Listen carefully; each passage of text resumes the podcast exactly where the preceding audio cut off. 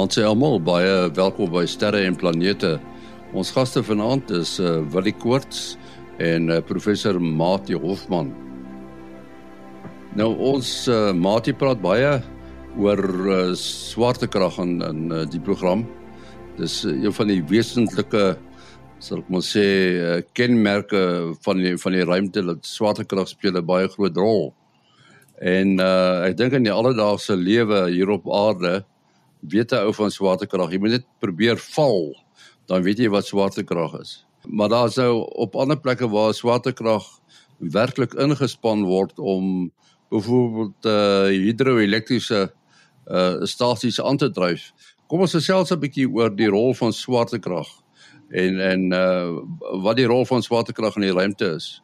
Mati Uh, en ja, swaartekrag is 'n uh, baie prominente uh, 'n speler uit die fisika uit in ons alledaagse lewe en natuurlik in die in die ruimte. Weet ons hoor nou gereeld hulle sê die ouens daar in die ruimtestasie is in 'n effektiewe toestand van amper of mikrogravitasie. Beteken hulle beleef nie gravitasie nie, maar hulle is eintlik nog steeds onderhewig aan die aarde se gravitasie. Uh hulle is net in vry val om die aarde. Die ruimtemanne en vrouens uh val presies teen dieselfde versnelling as die ruimtetuig self. So uh, hulle beleef dit asof hulle gewigloos is. Dieselfde gebeur met die met daardie vliegtuig wat hulle so in 'n paraboliese baan uh uh, duik wat hulle sy motore afskakel vir die opleiding van ouens in om die effek van 'n gravitasieloose omgewing te bele beleef. Die vliegtyg moet dan net in vryval wees in daardie paraboliese baan. Nou naby die aarde is so 'n vryvalbaan parabolies, maar as jy ver van die aarde af is, dan word dit uh, ellipties uh die die die gravitasie speel 'n uh, dominante rol. Natuurlik dit hou die sonnestelsel bymekaar en die hele die hele uh, heelal is gravitasie een van die dominante faktore wat lei tot die gelei het uh, tot die vorming van strukture uh om gas bymekaar te trek in sterre en sterre in uh galaksies uh en galaksies en galaksietrosse dit is nou op die uh, makro megaskaal op die aarde natuurlik domineer dit ons ons leefwyse. Dit is heel anders om in die ruimtestasie te wees wat jy nou nie sommer net op 'n bed kan gaan lê nie. Jy, jy sal dalk teen die plafon wa wakker word as jy nou net 'n klein versteuringkie was um, so so ons beskou dit as so alledaags. En om die waarheid te sê ons liggame is aangepas by die gravitasie waaraan ons so gewoond is en uh, dinge skielik baie moeiliker in die ruimte. Uh ek dink dit het nou beperkte voordele in terme van mense wat nou baie met rugpyn en so aan sukkel weens die gewig wat jou ruggraat 'n bietjie kan uh, verniel en dan uh in daai opsig is dit so 'n bietjie dink ek goeie terapie as jy bietjie gewig van jou uh, ledemate en jou gewrigte kan kan afkry. Maar mense se liggaam hou nie daarvan nie en uh, dit het baie negatiewe effekte op die mens se liggaam. Uh ek nou onlangs gesien uh dit het selfs 'n effek op uh, die die stroombane in jou brein wat anders vorm om aan te pas by totaal ander natuurlike uh, omstandighede. Ja, as ons nou net bietjie dink aan die fisika daarvan, daar's 'n gravitasiekrag tussen enige twee liggame met massa. Uh dis eintlik 'n swak krag in die sin van tussen in die in die mikrowêreld en selfs in die alledaagse wêreld as ek twee balle uh sê biljartballe hier op 'n harde tafel naby mekaar neersit. Hulle gaan nie na mekaar toe begin rol nie. Die gravitasiekrag tussen hulle is baie baie klein. Dit kan met baie fyn eksperimente gemeet word en die rede hoekom dit baie klein is is omdat hulle massas klein is. Die enigste rede hoekom die uh, gravitasie so dominante rol speel waar planete ter sprake is, is die enorme massas. Uh so vir die ouens wat nog so 'n bietjie algebra onthou, uh, ons kan 'n uh, effek wat vir ons belangrik en gevaarlik kan wees uh, die gravitasieversnelling. Dit is nou as jy nou uh, van 'n dak sou afval. Die tempo waarteen jy al vinniger en vinniger val, dis wat versnelling is. Uh dit is ongeveer 10 meter per sekonde kwadraat. So dit beteken as jy nou uit rus uitval, dan gaan jy na 'n sekonde gaan jy teen 10 meter per sekonde uh, spoed hê. En elke sekonde neem dit dan met 'n verdere 10 meter per sekonde toe. Uh so na sekondes se val dan is beweeg jy so vinnig as 'n wêreldklas naloper en jy wil nie teen daai spoed in 'n muur vashardloop Dit is hoekom mense so maklik jou kan baie erg beseer as jy net 'n klein afstandjie val. Maar die rede daarvoor is omdat die aarde se massa so groot is. So daai versnelling is 'n konstante wat Newton uitgevind het, die universele gravitasie konstante wat ons met 'n groot G aandui. En die gravitasie versnelling dui ons met 'n klein g aan. Maar die klein g is dan daardie konstante g wat oral in die heelal dieselfde is. Dis hoekom dit universeel genoem word maal die massa van die voorwerp gedeel deur eh, die afstand kwadraat. So afstand speel ook 'n rol. As jy baie naby aan die son is, dan gaan jy met 'n baie klein afstand deel en dan gee dit jou 'n baie groot uh versnelling. Uh so die kombinasie van die massa en die afstand is dan die be belangrike faktore.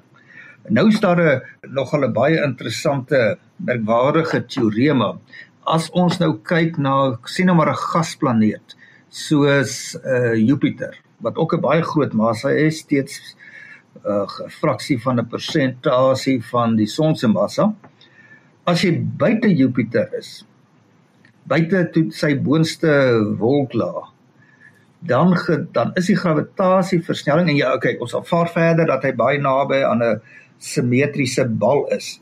Dan is die gravitasiekrag en versnelling wat jy ondervind is dieselfde wat dit sou wees as al die massa by daardie by die middelpunt van Jupiter gekonsentreer sou wees. Nou gestel nou jy beweeg nou dis nou maar 'n gedagte eksperiment ons sal dit nie kan doen en oorleef nie maar ons sou ver in Jupiter se atmosfeer inbeweeg sê maar die helfte van sy radius die gravitasie gaan aan die een kant uh toeneem weens die kleiner afstand vanaf die middelpunt, maar die enigste massa wat dan 'n rol gaan speel is die massa wat nader as jy is aan die middelpunt. So as jy jy nou uh jou beskou op die oppervlak van 'n uh, van 'n denkbeeldige sfeer met die radius die af vanaf die middelpunt, die afstand wat jy vanaf die middelpunt is, dan kan jy al die massa wat nader aan jou is neem as die relevante massa en die krag en gravitasieversnelling wat jy sou beleef is dieselfde as wat dit sou wees as al die massa wat nader jy as jy is nader by die middelpunt gekonsentreer is. Nou dis nogal 'n merkwaardige resultaat want elke stukkie massa in alle rigtings nader as jou trek jou in allerlei rigtings, maar die gemiddelde effek en dit is nou die sogenaamde skil skilteorema uh wat daar ter sprake is. Uh so as ons nou ehm um, kleiner massa as die aarde vat, eh, soos die maan. Die massa van die maan is amper jy is dit is iets soos 1% van die aarde se massa. Mens kan nie dink dit is soveel minder nie. Maar nou kan is is sy gravitasieversnelling nie net 1% nie, omdat jy baie nader aan die um, middelpunt van die maan is en dit omtrent 'n derde nader as die uh, derde van die aarde se se radius nou met die die formule van gravitasieversnelling werk met die 1 op die kwadraat. So dit gee jou 1 op 3 kwadraat so 1 op 9 amper 1 op 10. So jy deel met 'n 10 maar kleiner getal. So die netto effek van die kleiner massa maar die nader afstand gee dan dat die uh, gravitasieversnelling by die maan is omtrent 'n 6de van op die aarde. Dit is hoekom jy so lekker hoog sal kan spring as jy nou uit rus uit spring. Jy gaan bietjie sukkel om gebalanseerd te hardloop. Nou wil jy, ek weet nie of jy kan onthou wat die gravitasie versnelling op die oppervlak van Mars is teenoor die aarde nie. Dit is ook redelik kleiner, maar ek kan dit nou nie uit my kop uit onthou nie. Waarskynlik soortgelyk as die maan se. Ek onthou nie daardie fliek wat hulle oor die ou op Mars gemaak het uh wat hy so lekker ver kon spring. Ek dink dit was 'n bietjie bietjie oordrewe. Uh ja, maar in elk geval, en hier op die op die aarde kan ons nou gravitasie nuttig gebruik om energie te stoor.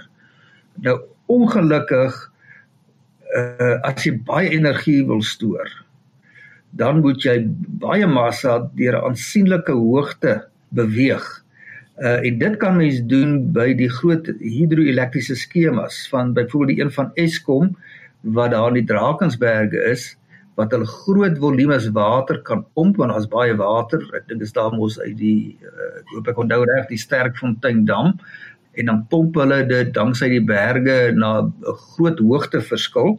Nou daar's 'n formule, die hoeveelheid energie wat jy so kan stoor is die hoeveelheid massa maal uh, jou uh, gravitasieversnelling maal die hoogteverskil. So groter die hoogteverskil hoe groter die massa, hoe meer energie kan jy stoor. En as jy nou daai water laat terugloop na wat nou spontaan kan gebeur, jy moet energie gebruik uit die elektriese netwerk om dit nou hoër te pomp en dan kan jy dit nou teen 'n bepaalde tempo laat terugloop.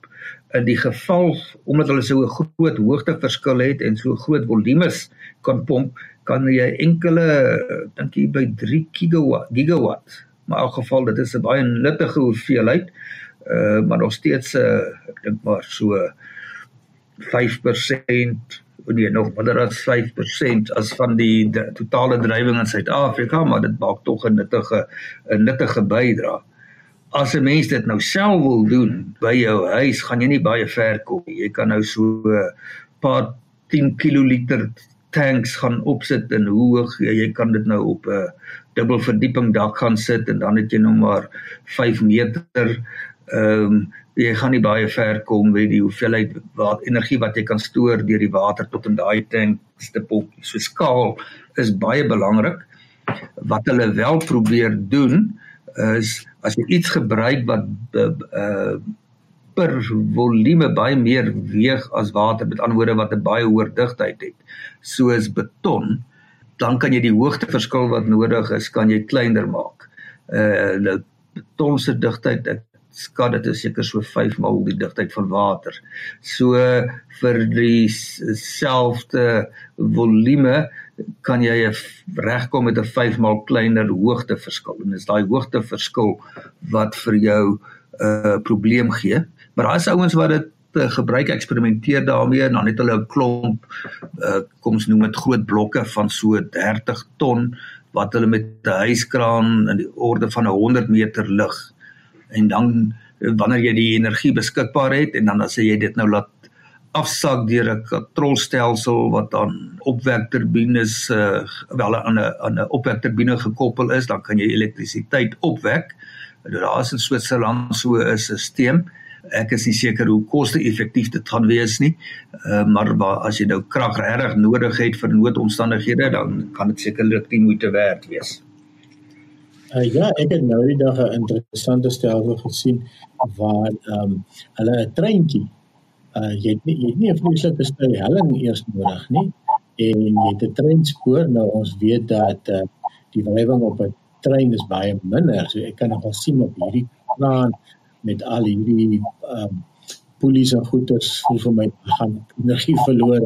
En dan uh, as dan het jy nou 'n die die die krag loop nou langs die spoortjie en die uh, trollies moet hulle klomp gewig op uh word dan opges, opgevat teen die bult wanneer daar elektrisiteit beskikbaar is soos uit sonpanele of so en dan in die tye wanneer jy wil krag produseer dan word die treintjie net by die bult laat afsak en en dit uh, genereer krag sit dit terug in dieselfde uh elektriese stelsel. So uh ja, dis natuurlik ook 'n manier van om om om uh krag of energie te spaar uh te te, te stoor uh deur deur van 'n helling en en swaartekrag effektief gebruik te maak. Wat jy ons uh praat ons oor swaartekrag. Uh, ons weet nou Mars se swaartekrag is is baie minder as die van die aarde. Maar nou is daar 'n storie van uh, hulle beplan om 'n vuurpyl te loods van Mars af. Hoe doen hulle dit?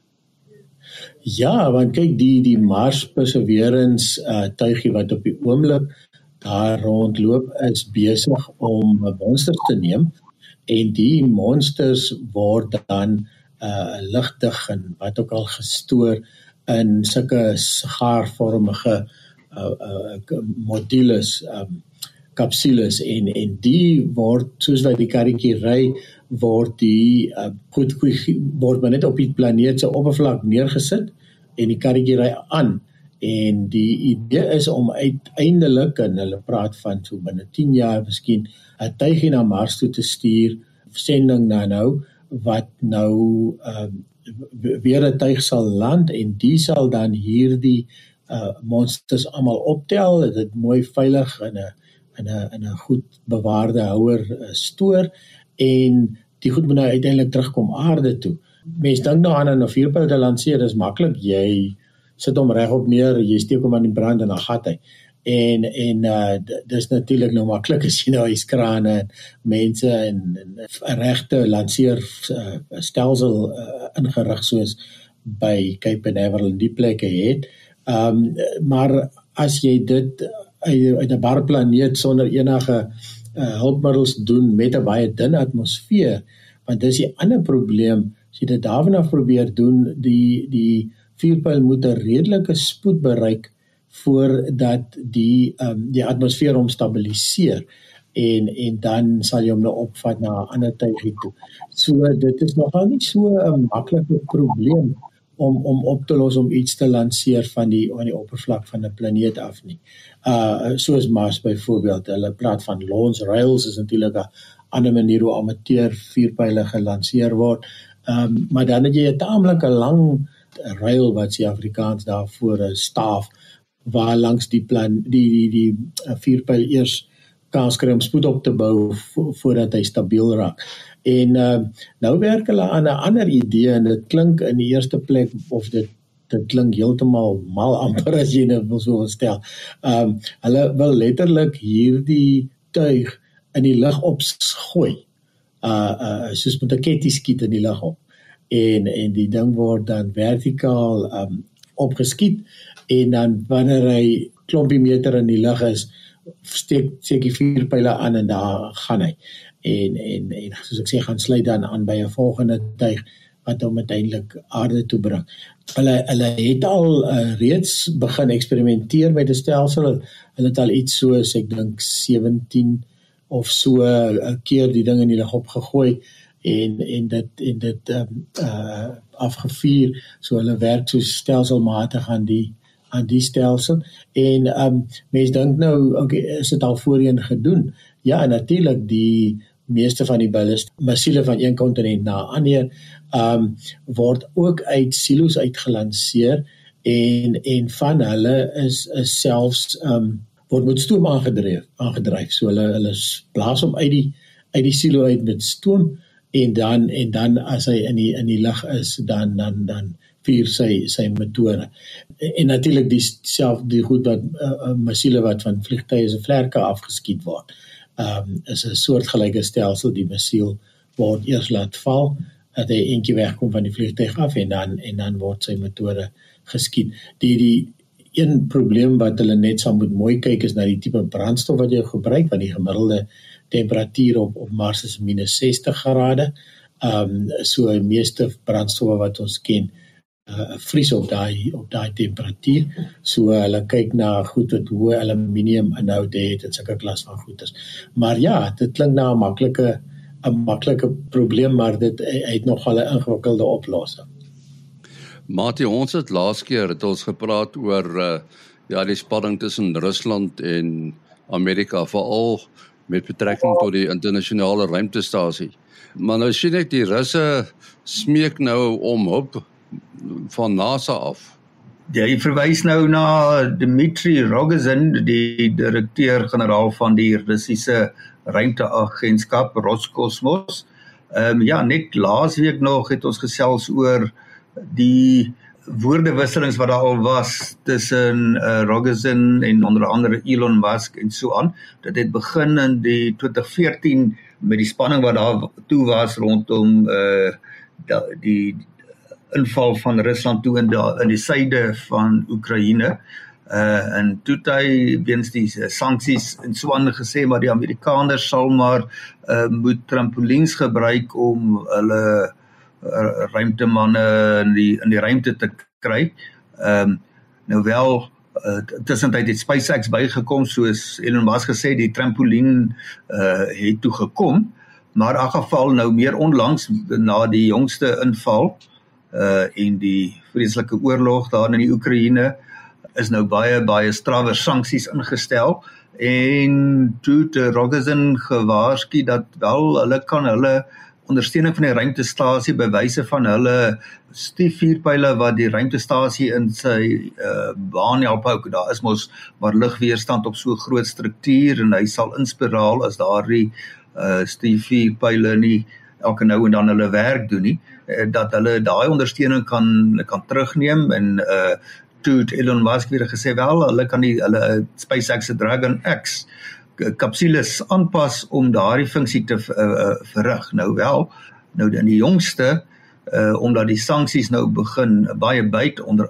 andere weens die hoë tegnologie komponent daarvan is die ruimte tegnologie natuurlik uh, baie kwesbaar en nou het hulle uh, gevra dat die onwettige sanksies soos wat hy dit stel ehm um, teen hulle ruimteprogram weet opgehef moet word en hy het 'n uh, briewe geskryf aan NASA, die Kanadese ruimteagentskap en die Europese uh, ruimteagentskap. Dit is maar onverkwikkelike tye, so ons dinge sal seker nie gou weer dieselfde wees wat betref die gladde samewerking rondom die ruimtestasie nie. Die ruimtestasie is mos geskeduleer om nog tot 2030 te werk, so daar's nog 8 jaar oor. Uh so wat presies gaan gebeur, uh, dit sal die tyd moet leer. Wat die, die uh, Artemis projek, uh, die gaan nou 'n belangrike stadium uh te midde wat want ek dink dit is die afgelope week is 'n uh, sekere uh, stelsel getoets. Die Artemis uh vuurpyl die of die SLS, dis mos 'n hele stelsel. Uh ek het nou eendag gesien hoe groot hy is maar dit lyk my hy is nie so groot soos die uh Starship van Elon Musk. Ja, dit is korrek. Ek het nou die dag um 'n lesingkie wat ek uh, bymekaar gehad het oor um die verskillende groottes en so van die landsteertuie uh oor die oor die oor die eeue kan jy maar amper sê oor die 50 jaar wat ons nou al in die ruimte is. Ja, soos jy sê jou jou Saturn 5 die die die die grootste vuurpyl ooit is is staan nou nog 'n bietjie kop en kop en skouers bokant hulle en uh, dit is nou uiteindelik natuurlik deur uh, Elon Musk die die 75 uh, vuurpyl wat nou nog al die tyd die die koning gekry het oor oor die grootste vuurpyl oor is nou uiteindelik verbygesteek deur uh, Elon Musk se Starship en uh, die die sogenaamde SLS of die Space Launch System wat nou NASA se antwoord is vir 'n supertuig om baie swaar vragte in die ruimte op te skiet. Ehm um, so is staan nog so effentjies onder onder dit. En uh, ek dink wat stiekrag stiekrag aan betref, ehm um, is die die Saturn 5 nog steeds die die koning lyk like met met Elon Musk tweede en dan die SLS net so kort op die agter. So uh, dit is dit is uh, so wat ons weet ons het nou gepraat oor swaartekrag en swaartekrag en ruimte tegnologie is die grootste twee vyande vir mekaar. Vir elke kilogram wat jy in die ruimte wil sit het jy 'n sekere hoeveelheid stiekrag nodig. Om daai stiekrag te kry moet jy 'n sekere hoeveelheid brandstof kry om aan die brand te steek om daar te kry hoe meer brandstof jy bysit, hoe, hoe groter raak jou gewig. Hoe meer brandstof moet jy bysit. So dit is 'n uh, dit is 'n dit is 'n regte eksponensiële kurwe om om meer en meer uh massa in die in die ruimte te sit. Wat wat is jou besonderhede? Ja, telefoonnommer 0724579208. 0724579208. En mate jou besonderhede? 0724579208 selfoonnommer 0836257154 0836257154 en dan uh, die program se e-pos adres is sterreplanete@gmail.com sterreplanete@gmail.com tot volgende week. Alles van die beste